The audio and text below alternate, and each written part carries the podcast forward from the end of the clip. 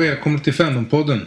I ett avsnitt som är från Stockholm Uppsala Fandom kommer Erik och Kristin att intervjua den norska författarian Siri Pettersen som bland annat skrivit trilogin Ravneringene. Intervjun spelades in på Svekon i Uppsala i maj. Eftersom både Siri och Kristin är norska så kommer det mesta av intervjun att företas på norska. Vi ber därför våra svenska lyssnare ha lite språklig fantasi och tipsar om att pausa programmet och slå upp eventuella ord som är svåra att förstå. Mycket nöje! Skal vi begynne med en uh, kjempekort presentasjon av deg, Siri? Jeg heter Siri. Siri Pettersen, og jeg har skrevet fantasyserien Ravneringene. Det er vel så kort som du kan få det. Absolut. Supert, takk. Um, tror du at uh, det er noe som er spesielt med nordisk fantasy?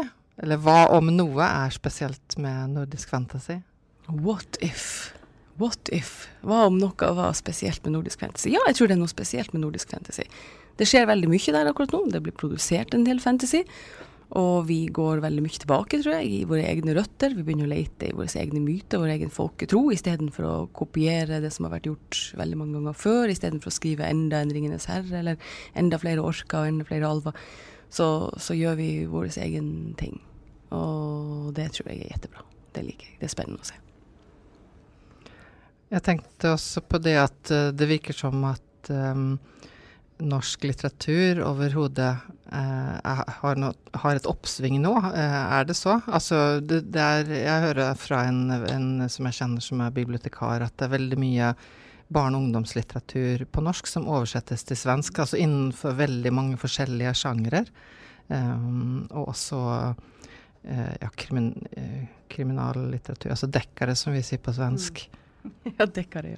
Mm. Det måtte jeg lære hva det betydde. Det visste ikke jeg, dekkare og krim. Eh, for jeg har aldri lest en dekkare i mitt liv. Eh, men, eh, men ikke, ikke, nødvendigvis fordi jeg ikke vil, men fordi at det finnes så mange bøker uh, with dragons. Men uh, ja, det virker som om det skjer uh, veldig mye, og det etterspørres nordisk litteratur. og jeg ser det når jeg er ute i utlandet. Altså, ja, Ravneringen er jo oversatt til, til, til, mange språk, og det hadde nok ikke skjedd hadde det ikke vært for at at det er en slags tørst der. Men det er jo fremdeles det er interessant at det fremdeles henges på dekkarknaggen. Selv når jeg er på, sånn som jeg kom nettopp fra Polen. Og også der så får jeg alltid spørsmålet ja, men altså Norge det er jo mest krim, er det ikke det? Og, og det er det dere har i, i, Norden.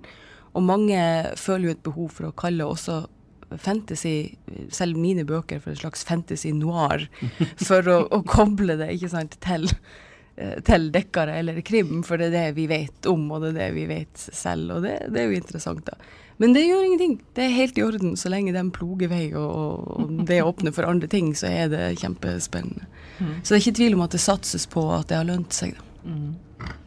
Hva, tror at, hva, tror du er grunnen til at, uh, at akkurat norsk fantasy har fått et sånt oppsving da? Er det noe, er det noe som har skjedd liksom sånn kulturelt i det siste som Eller har, ja, hva er folks inspirasjonskilder? Det er vanskelig å si, men eh, en, ting, en, en, bra ting skjer sjelden alene, heldigvis. Det er ikke bare ulykker som kommer i par. Det er jo en slags et globalt fenomen. Og når visse ting skjer samtidig, så får du en bølge og en interesse av Eh, av ting. Og nå er jo fantasy veldig sterkt, og jeg tror fantasy fremdeles blir å, å vokse, fordi vi som elsker fantasy når vi var yngre, har blitt voksne og fått jobber der vi kan produsere TV-serier, vi kan lage filmer, og vi kan skrive våre egne bøker. Og da blir det som regel fantasy, for det er vi glad i. Men jeg tror at uh, når HBO lager en serie om Vikings, så er det et signal. Det no, da, da, da, lukter de noe, de ser noe. og og folk er opptatt av det. Og det hjelper jo oss. Eh, det er klart at det, det sprer eh, norsk fantasy, og det gjør, gjør, det mer interessant når veldig, veldig mange vil, vil, ha det. Men samtidig så er det jo eh, ikke akkurat noe innertier å produsere ting fordi det er populært. Det, det nøtter ikke. Man må jo skrive det man er glad i å skrive. Og, eh, og det er som regel da det blir, det blir, bra. Og jeg ser jo det skjer veldig mye nå i Norge. Det skrives kolossalt mye fantasy, og veldig mye av det heldigvis eh, på vår egen historie. Men det også, kan det også være så at forlagene har blitt mer åpne? At det er lettere å få eh, som forfatter å, å bli solgt? Jeg tror um, det er litt vanskelig for meg å si, fordi da jeg uh, begynte å skrive 'Ravneringene', så var det jo den tida der folk sa at nei, det er ingen som blir antatt fantasy, det er norsk fantasy, du, du, det er ingen som blir utgitt det, men det var mange som ville utgi det. Og når det kom ut, så ja, nei, det er jo ingen som blir å kjøpe det, uh, fordi ingen leser norsk fantasy, men det var det. Og, og, folk sa at media kom ikke til å være spesielt interessert, fordi de var ikke opptatt av norsk fantasy. Men noe skjedde der også. Og mange spådde at det kom ikke til å bli eh, Eller ja, mange og mange, men jeg hørte det kom aldri til å bli lydbok fordi at den var for tjukk, men det ble den jo også. Og oversettelse, det skal du jo bare glemme, for det er veldig vanskelig, og det blir nesten aldri. Men, men sånn ble det jo også. Så alle de tingene som aldri skulle skje, eh, skjedde jo. Og, og mange sier til meg at de skriver sjøl nå, fordi de eh, så med Ravneringen at det var mulig å gjøre et slags fenomen av fantasy i, i, Norge, og at det skulle kunne lykkes. Men jeg var jo slett ikke alene. Vi debuterte, vi var fire stykker på samme forlag i samme måned som debuterte med norsk fantasy. Så det er ikke tvil om at det foregikk noe. Mm. ikke sant? Ja, Det var utrolig. Det visste jeg ikke. Jeg har bodd i Sverige så lenge, så jeg har ikke riktig eh, samme kål på, på, det norske kulturlivet. jeg tenkte på um, Hvorfor valgte du å ta inn um, de, de, få nordiske elementene som man ennå kan se i uh, bøkene dine? Ja, altså, jeg hadde jo aldri noe ønske om å skrive en bok om norrøn mytologi. Mm. Eller om norsk folketro, eller om mm. noe sånt. Det var, det var, det fjerneste fra, fra tankene det jeg hadde lyst til å gjøre, det var å skrive fantasy sånn som jeg kjente det og elska det, og sånn som jeg hadde lyst til å lese det. Og, og det, det, var noe som Jeg ville det skulle føles kjent, det skulle være familiar. Mm. Og jeg kommer fra nord. Langt nord. I'm from the north. It's my go to excuse for everything, som de sier når jeg er i utlandet. uh, og, og der er jo klimaet nokså spesielt. Det er kaldt som rakkeren, og det er nordlys, og det er mørkt store deler av året. og man blir farga av det. Og, mm. og, jeg ville ha det sånn. Jeg ville ha det kjent. Jeg ville ha noe som, som føltes som heime, da. Mm. Så det ga seg på en måte sjøl at det måtte være ei nordisk setting. Men folk blir jo De kan finne på å bli skuffa eller besviken, som man sier på svensk. eh, av å, å lese tittelen 'Odinsbarn' og forvente at det skal handle om norrøn mytologi. Mm. Og tittelen er det eneste som har med norrøn mytologi å mm. gjøre, nesten. Mm. Men, men, eh, når man leser dem, så vil man jo kjenne igjen ting, eller man vil finne ting, elementer, som kanskje kan minne om noe. Og det er jo det jeg ønsker. Jeg ønsker å lugge mm. i minnet heller enn å mm. kopiere eller å mm. skrive noe annet. Jeg ønsker å få folk til å tenke at ja, kanskje det har foregått en slags kulturutveksling her på et eller annet tidspunkt og, og at ting har smitta over. Mm. Eh, og at kanskje vår eh, norrøne mytologi kan være basert på noe som faktisk mm. hendte et sted. Og det er jo mm. veldig pretensiøst å tenke. Nå skal det være det originale, det som kom før norrøn mytologi, liksom. Ja, men det er vel morsomt å ha det som norsk det er, det er veldig morsomt. Ja, ja. Mm. Men du kan se til og med sånn som eh, evna, eller den her holistiske kraften, som mm. mange vil si er det magiske elementet i, i bøkene, mm. selv om jeg aldri bruker ordet magi. Eh, den vil jo på slutten Måten den blir spredd på, ikke sant, så vil jo kunne minne folk om kanskje er det her Yggdrasil, altså den her treet av røtter som går gjennom flere verdener. Altså, mm. Der er knytninger, der er aninger. Til og med Jeg tror på et tidspunkt nevner jeg at de her ravneringene, eller de steinportalene, også kalles for eh, Bifrost. Mm. Um, så, som en slags direkte kobling til at OK, det var regnbuebroa, altså det var portene, den skimringa imellom, måten å bevege seg imellom verdener på. Men, men eh, uh, Nei, jeg har egentlig ikke engang lånt, kan man si. Ikke Nei. kopiert, ikke lånt, Nei. bare hintet til. Mm. Uh, for at det skal få um, en, en, et grunnlag, et slags fundament, som kjennes familiært ut. da. Jeg tenkte, fakt, jeg tenkte, på Du har sikkert fått det spørsmålet mange ganger. hva du Eller ja, God grunn til å tro det, men bra. Ja. Nei, men folk eh, vil, vil, gjerne sammenligne og, og, og, si liksom Har du lest det og det? Er du inspirert ja, det av det og det? Og man, man, blir sikkert trøtt på det som forfatter, og blir sammenligna med andre verk hele tiden. Mm. Men jeg tenkte på, jeg tenkte på et verk, faktisk, når jeg leste bøkene dine. Mm. Eh, ikke som noe sånn uh, kjempestor parallell, men uh, 'Chronicles of Morgaine' av C.J. Cherry, har du lest dem? Kjenner du til dem? Der har du jo også en sterk kvinnelig uh, hovedperson med en mannlig ja, men, ja, Med en mannlig sidekick som går gjennom portaler og stenger dem etter seg. Nei, vet du, du hva? Nei, nei, jeg har ikke lest det.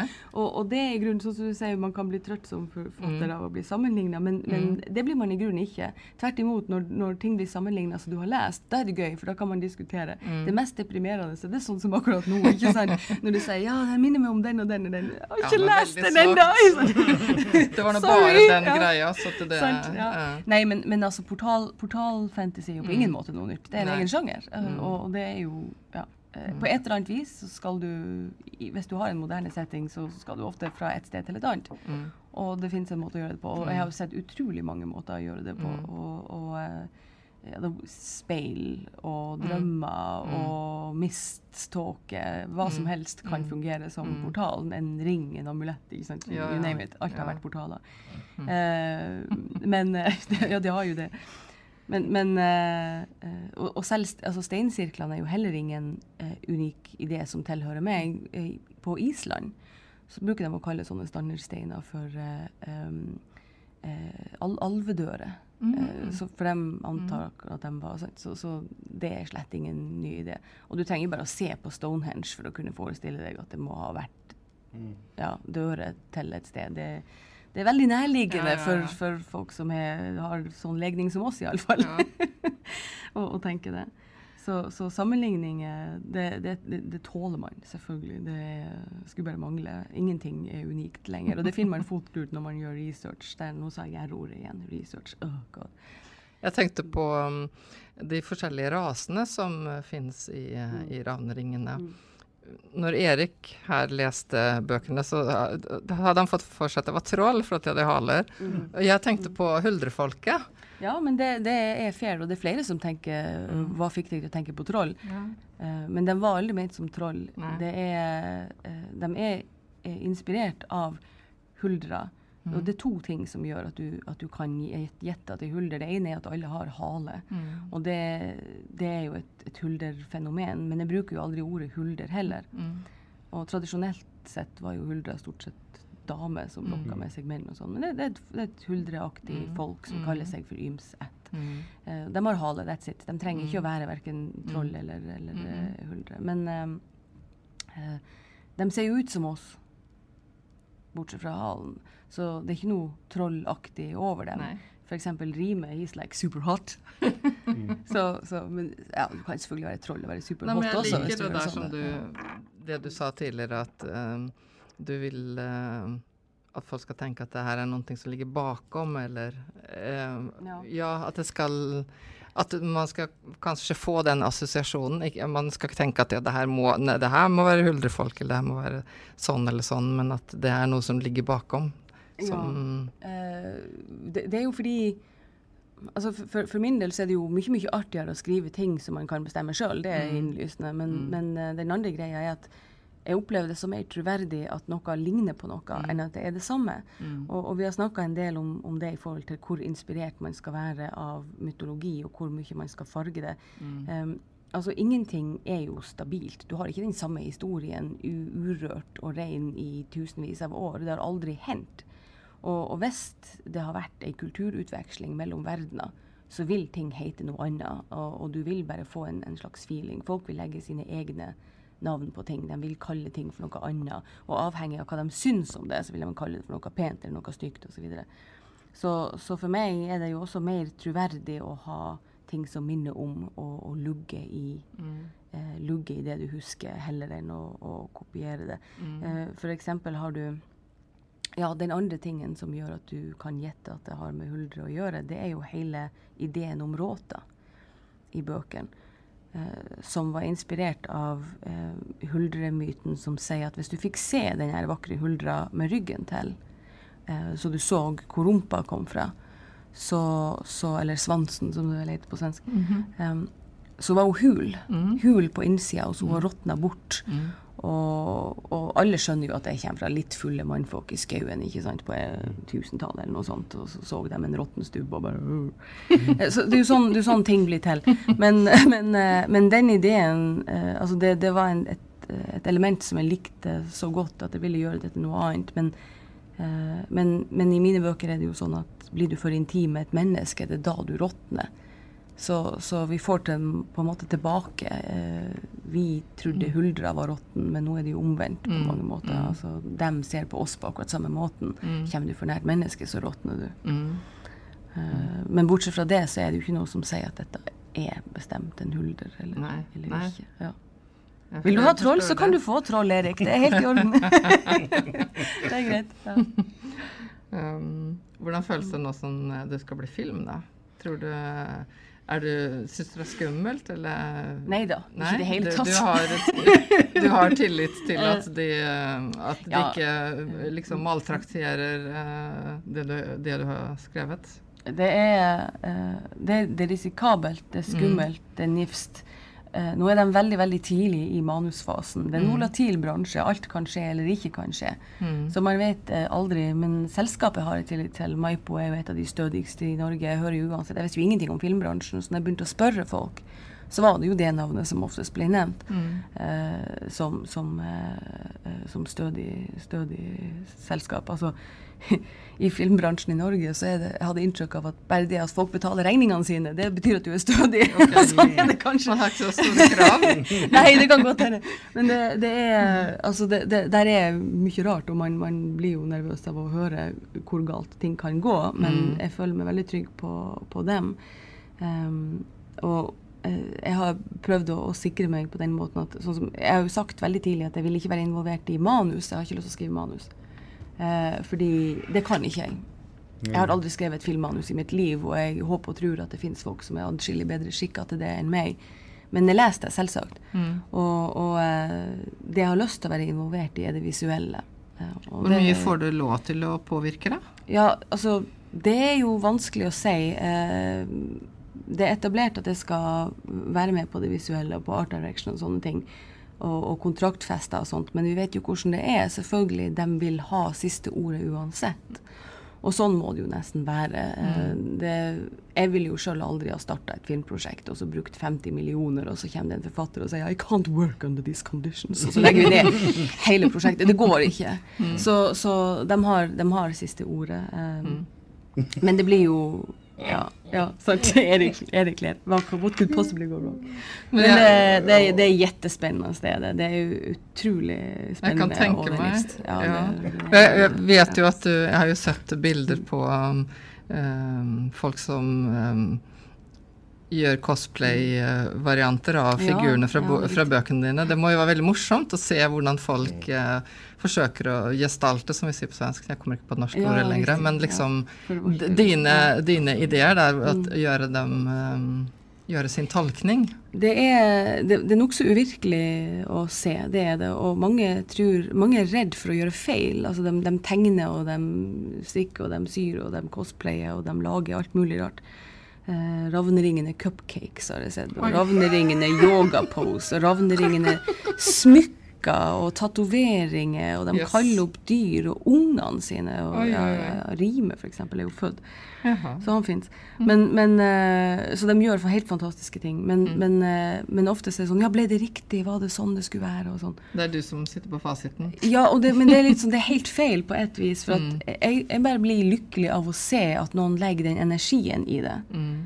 Om, om, detaljene ikke stemmer, det spiller ingen rolle for mm. meg. Men jeg blir jo veldig imponert over de detaljene de får med seg. Mm. Jeg husker første gangen det var ei som, eh, eh som strikka genseren til Hirka basert på beskrivelsene i boka. Mm. mm. Og la ut strikkeoppskrifter på nett, og den havna i ei sånn norsk strikkebok. ikke sant? Og, ja. Mm.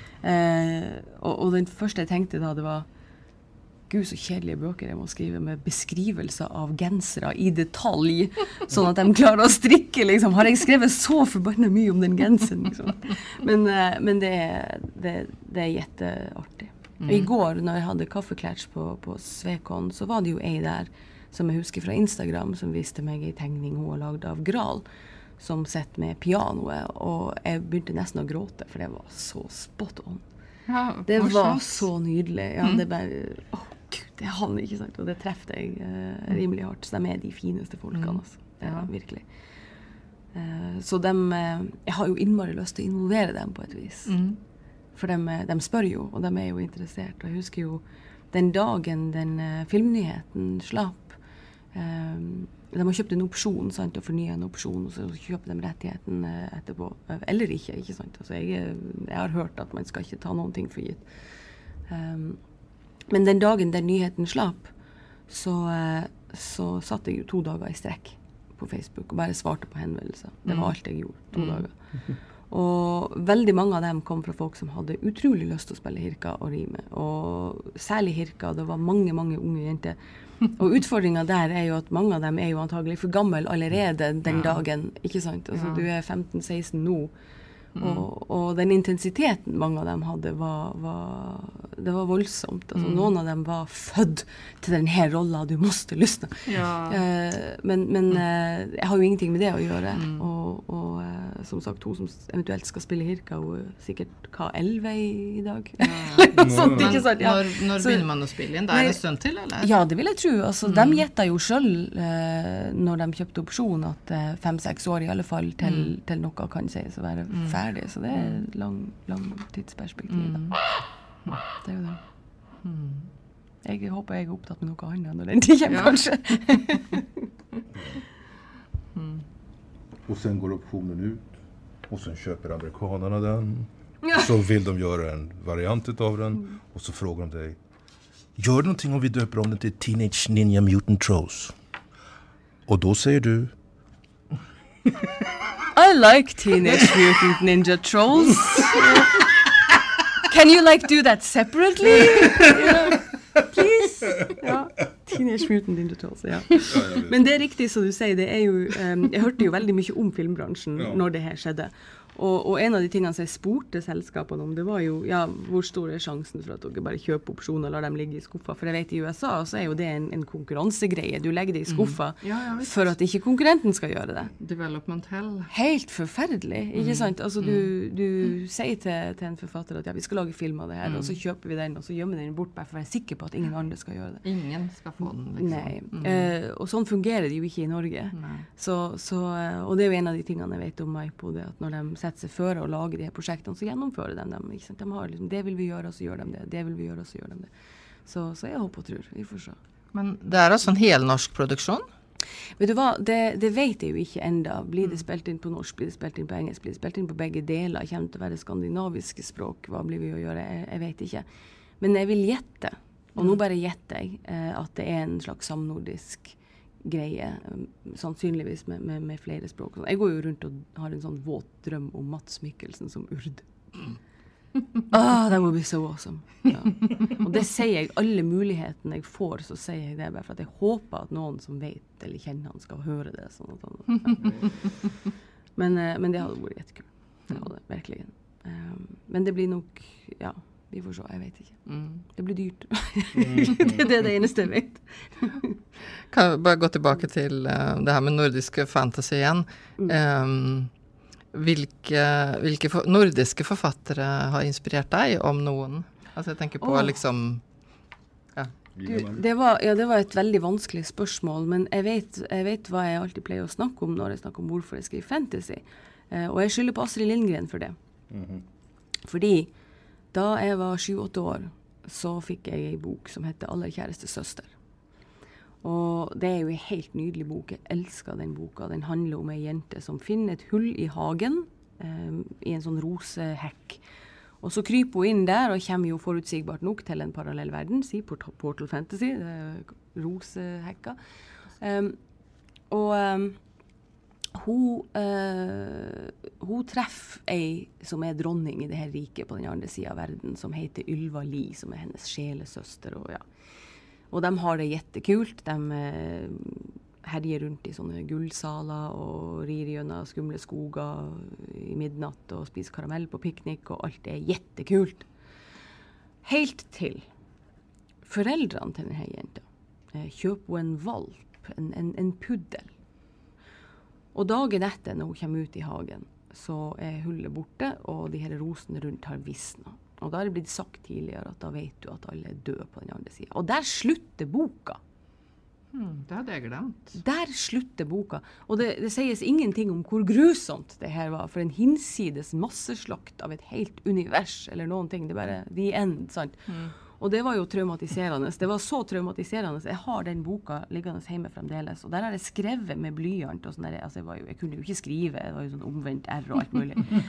og der har jeg skrevet Å nei, Ylva Liv var død. Jeg kastet meg om på baken, faktisk, eh, og lå og gråt. Å nei, Ylva Liv var død. Så, så, jeg følte meg utrolig provosert allerede mm. som syv-åtteåring over at noen prøvde å ta fra meg fantasiens verden.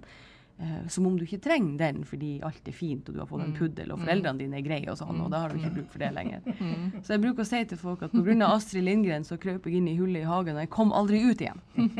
Jeg nekta. Uh, så jeg ble værende der. Nei, men du leste Astrid Lindgren. Kommer du på noen, noen mer?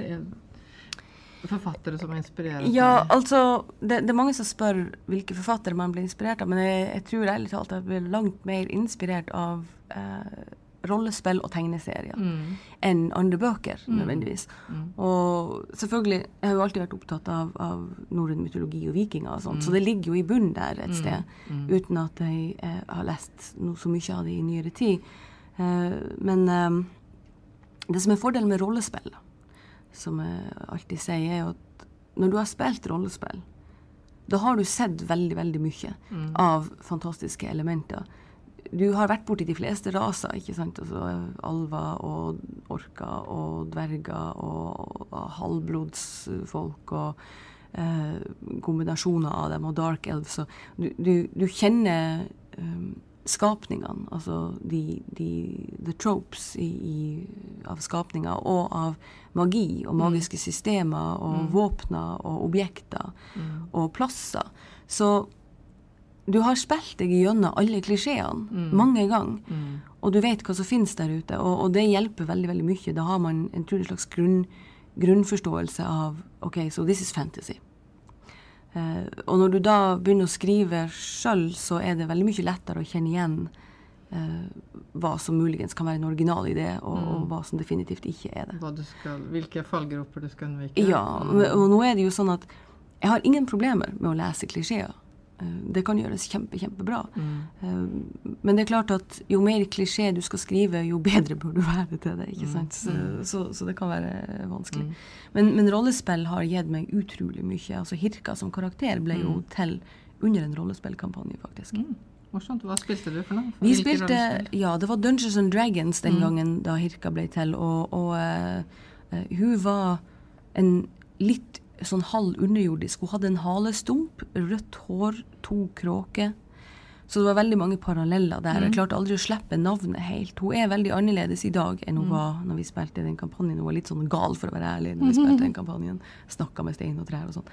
Um, men, uh, men uh, det, det, var liksom der hun, hun ble til. Mm. Og fascinasjonen for kråke og ravn har jo også alltid vært der, så den tok jeg jo òg med meg. Mm. Um, så, så rollespill har gitt meg utrolig mye. Og tegneserier. En av de tingene som, jeg, som har forma meg mest, tror jeg, er jo uh, Sandman-tegneserien. Mm. Jeg skulle akkurat til å spørre. Ja. Ja. Har du lest uh, hans ja, nye um, Hans nye Norse Gods? Nei, det har jeg ikke.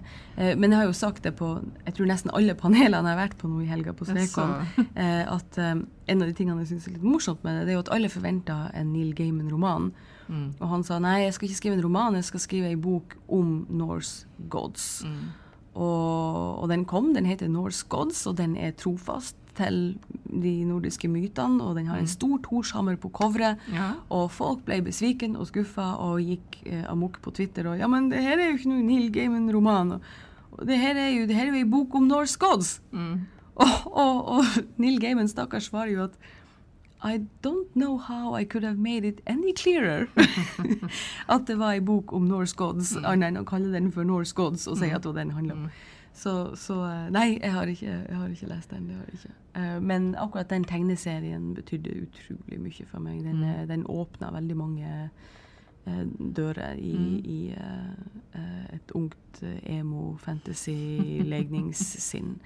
Og, og da var kanskje jeg mer enn gjennomsnittet opptatt av Dave McKean i den sammenhengen, og coverene hans. Mm. For jeg vil jo bli designer, og jeg har vært designer hele mitt voksne liv. Mhm. Så, så akkurat de coverene var uh, for meg banebrytende, uh, utrolig vakre ting. Har du jobba som designer noen ting, eller? Ja, det, det, det er det som er mitt riktige jobb, som Ja, de sier. ja, ja. Jeg har alltid vært designer, aldri vært noe annet. Så uh, Mm. ja. Med logoer, brands, og Ja. jobba med eh, webdesign i mange år. Og, ja. Så det, det er liksom det jeg har gjort. da. Så har vi litt grann sånn. samme bakgrunn. Jeg også jeg gikk kunst og håndverk og, oh, ja, og studerte eh, illustrasjon og grafisk design. Ja, sant. Ja. Men ja. jeg har aldri jobba sånn. Jeg har gjort litt Ja. frilansjobb når Ja, jeg bodde i. Norge, men så flytta jeg hit og gjorde en helt ny utdannelse. Så. Ja, riktig. Ja. Og så ble det liggende der. ja. Mm. Men det er jo Jeg har jo um, jeg laga mine egne covere, da, Mm. for eksempel. -hmm. Og, og det er jo fordi jeg var så eh, bestemt på hvordan de skulle se ut. Mm. Og det er eh, var veldig vanskelig å se for seg at noen andre skulle kunne lage de coverene, Mm. og så skulle liksom jeg henge over der og si nei, kan du Nei, nei. Altså, stakkars menneske. De hadde jo Mm. kommet til å dødd på seg. Eh, så jeg visste veldig godt hvordan de skulle se ut. Ja, de er jo veldig kraftfulle, syns jeg. Det er slående, Ja, det, det er hyggelig at du sier, for en av de tingene jeg hadde lyst til å gjøre altså, Jeg vet veldig ofte når jeg ser fantasybøker, så tenker jeg OK, her har man laga et cover med fantasy collage nummer 102B. Mm. Eh, og da har du en drage og et slott, og du Mm. har noe fluttering dresses, og du har The Hooded Guy, og du har noen Mm. magiske sverd og noen Mm. medaljonger, og du kliner alt sammen på Mm. for å si at dette er fantasy. Mm. Og jeg kan ikke fordra sånne cover. For min del så, så peker de veldig på at uh, du får um, du, At ingen vet hva denne boka handler om, om Mm. du forstår. Mm. Eh, og jeg hadde lyst til å gjøre det motsatte. Jeg hadde lyst til å si at jeg vet presis hva denne boka Mm. handler om. Og du Mm. kan like det eller ikke like det, men Mm. dette er det Mm. boka er. Og det er klart at når du har skrevet den sjøl, så har du en helt annen innsikt i, uh, i historien, Mm. og, og hvordan du kan ikonifisere det da på, Mm. på et sett. Men jeg vil jo aldri anbefale forfattere flest å gjøre det. Selvfølgelig ikke. Fordi altså, altså, det var greit det var jobben min. Mm. Ikke sant? Men det, jeg synes det er et veldig interessant samspill, og jeg er imponert. Og jeg syns at de er veldig moderne også. Samtidig som de er ja, kraftfulle og eh, eh, Ja, det funker bra innenfor fantasy-sjangeren. De er enkle og de er tydelige. Og jeg, jeg Mm, tenker at eh, det er jo det som er fordelen med å prøve å gjøre Altså Når du får de her typiske fantasy-kollasjene, så signaliserer det egentlig ingenting. Mm. Og, og eh, jeg savner selvtillit ofte i Mm. omslagene. Mm. Altså viljen til å, eh, til å tørre å gjøre noe tydelig og, annerledes og, og unikt. Gjorde du eh, typografien også? Ja, jeg har, Mm. jeg har eh, Altså, coverne er satt på, Mm. på, eh, på egen hånd. Mm. Så det, det måtte liksom måtte bli sånn. Mm. Ja. Ja, morsomt. Og logo, selvfølgelig. Ja, det Det måtte vi også ha. Det har jo også vist seg å lønne seg kolossalt. For at det jo, Mm. den, er, den er også veldig eh, ikonisk. da. Det er jo sikkert Mm. derfor folk har drevet og tatovert den og sånn. Og det er Ja. jo fantastisk å se. Det er jo Mm. helt utrolig. Ja, det må være en Ja. spesiell følelse. Ja, det, At folk det, tar det sånn til, til seg og gjør det sånn. til de grader. En del ja. av sin identitet. Det er helt Mm. vilt. Og det, det er Altså, mange, mange har tatovert den, og mange har tatovert den på, på um, håndleddet. Så. Sånn, sånn alle du hilser på resten av ditt liv, blir å se det. og sånn, Jeg ville jo aldri ha gjort det sjøl engang. Det er jo helt fantastisk. Så, Mm. så ja, det er en sterk opplevelse. Mm. Særlig siden jeg vet så godt hvor de kommer fra. Altså, Jeg er sjøl fangirl. Jeg, har, jeg, kommer fra, altså, jeg gikk rundt med en spiral under øyet og en anke, og jeg var death og alt det der. ikke sant? Altså, det, det, du, du vet hva de føler, Mm. og, og det gjør det jo bare desto sterkere. Mm. Det gjør det. Det er fantastisk. De er helt skjønne. Mm. Ja. Så hva ser du frem imot nå? Hva blir neste Ja. eh, reise eller opplevelse? Hva eller gjør vi kongress? Ja. Eh, na, nå nå eh, har jeg en deadline. Jeg leverer eh, siste edit på ei barnebok Mm. som skal ut til høsten, som heter Bobla. Jeg hørte rykter om det. Ja, og det var en, et prosjekt som på en måte pressa seg fram og distraherte meg når jeg holdt på med en ny serie, som bare måtte skrives. Så den kommer ut nå først. Mm. Og det er, eh, det er en, en moderne fantasy fra ti år og opp, tror jeg. Men, men det er bare ett fantastisk element der, og det, det er bobla. handler om ei jente i ei boble, enkelt og greit. Ja. Og um, den er basert på en, en, en barndomsfantasi jeg sjøl hadde om å kunne gjemme meg borti ei boble som ingen andre kom inn i. Mm. Og, uh, uh, samtidig som, som jeg gjør det, så har jeg jo en ny serie som jeg jobber med, som skal bli oppfølgerserien til Ravneringene. Og den er ikke avhengig av Ravneringene, men om du har lest den, så forstår du hva koblinga er. Mm. Det er planen. Eh, Nå kan jo alt skje selvfølgelig underveis, men, men det, det er eh, planen, og det blir ikke for neste år igjen. Mm. Um, året etter, så det er interessant. Og det, det, blir, det er hektiske tider. Det blir eh, Polkon nå i august, og så er det nå eh, bokmessen og lansering i, i, i høst og sånn, og så må jeg bare låse meg inn for å bli ferdig med neste. Hvordan funker skriveprosessen din? Hvor, hvor skriver du, og hvordan, liksom? På kafé. På kafé. Jeg bor på kafé. Ja, vet du hva. Ja, men eh, det er, det er noe helt spesielt med, med kafé. Du har den følelsen av at her er mennesker, men du trenger ikke forholde deg til dem. Og her er noen som passer på at du ikke sulter og tørster og sånn. Og så kan du sitte der og skrive, og så har du den der eh, litt sånn murmur som foregår i bakgrunnen. Ja, så. ja. Men, men litt avhengig av hvor du er hen i prosjektet, da. Altså, i- helt i starten så, så sitter man jo ofte med, med liksom Post-It-lapper av veggen og, og, og sånt hjemme. Men når du skal begynne, når du skal planlegge og skrive og sånt, så, så gjør jeg det veldig godt på kafé. Ja, Det morsomt. gjør det, ja. Ja, men da får jeg bare slutte med å si takk til deg. Tusen hjertelig takk skal du ha, Kristin.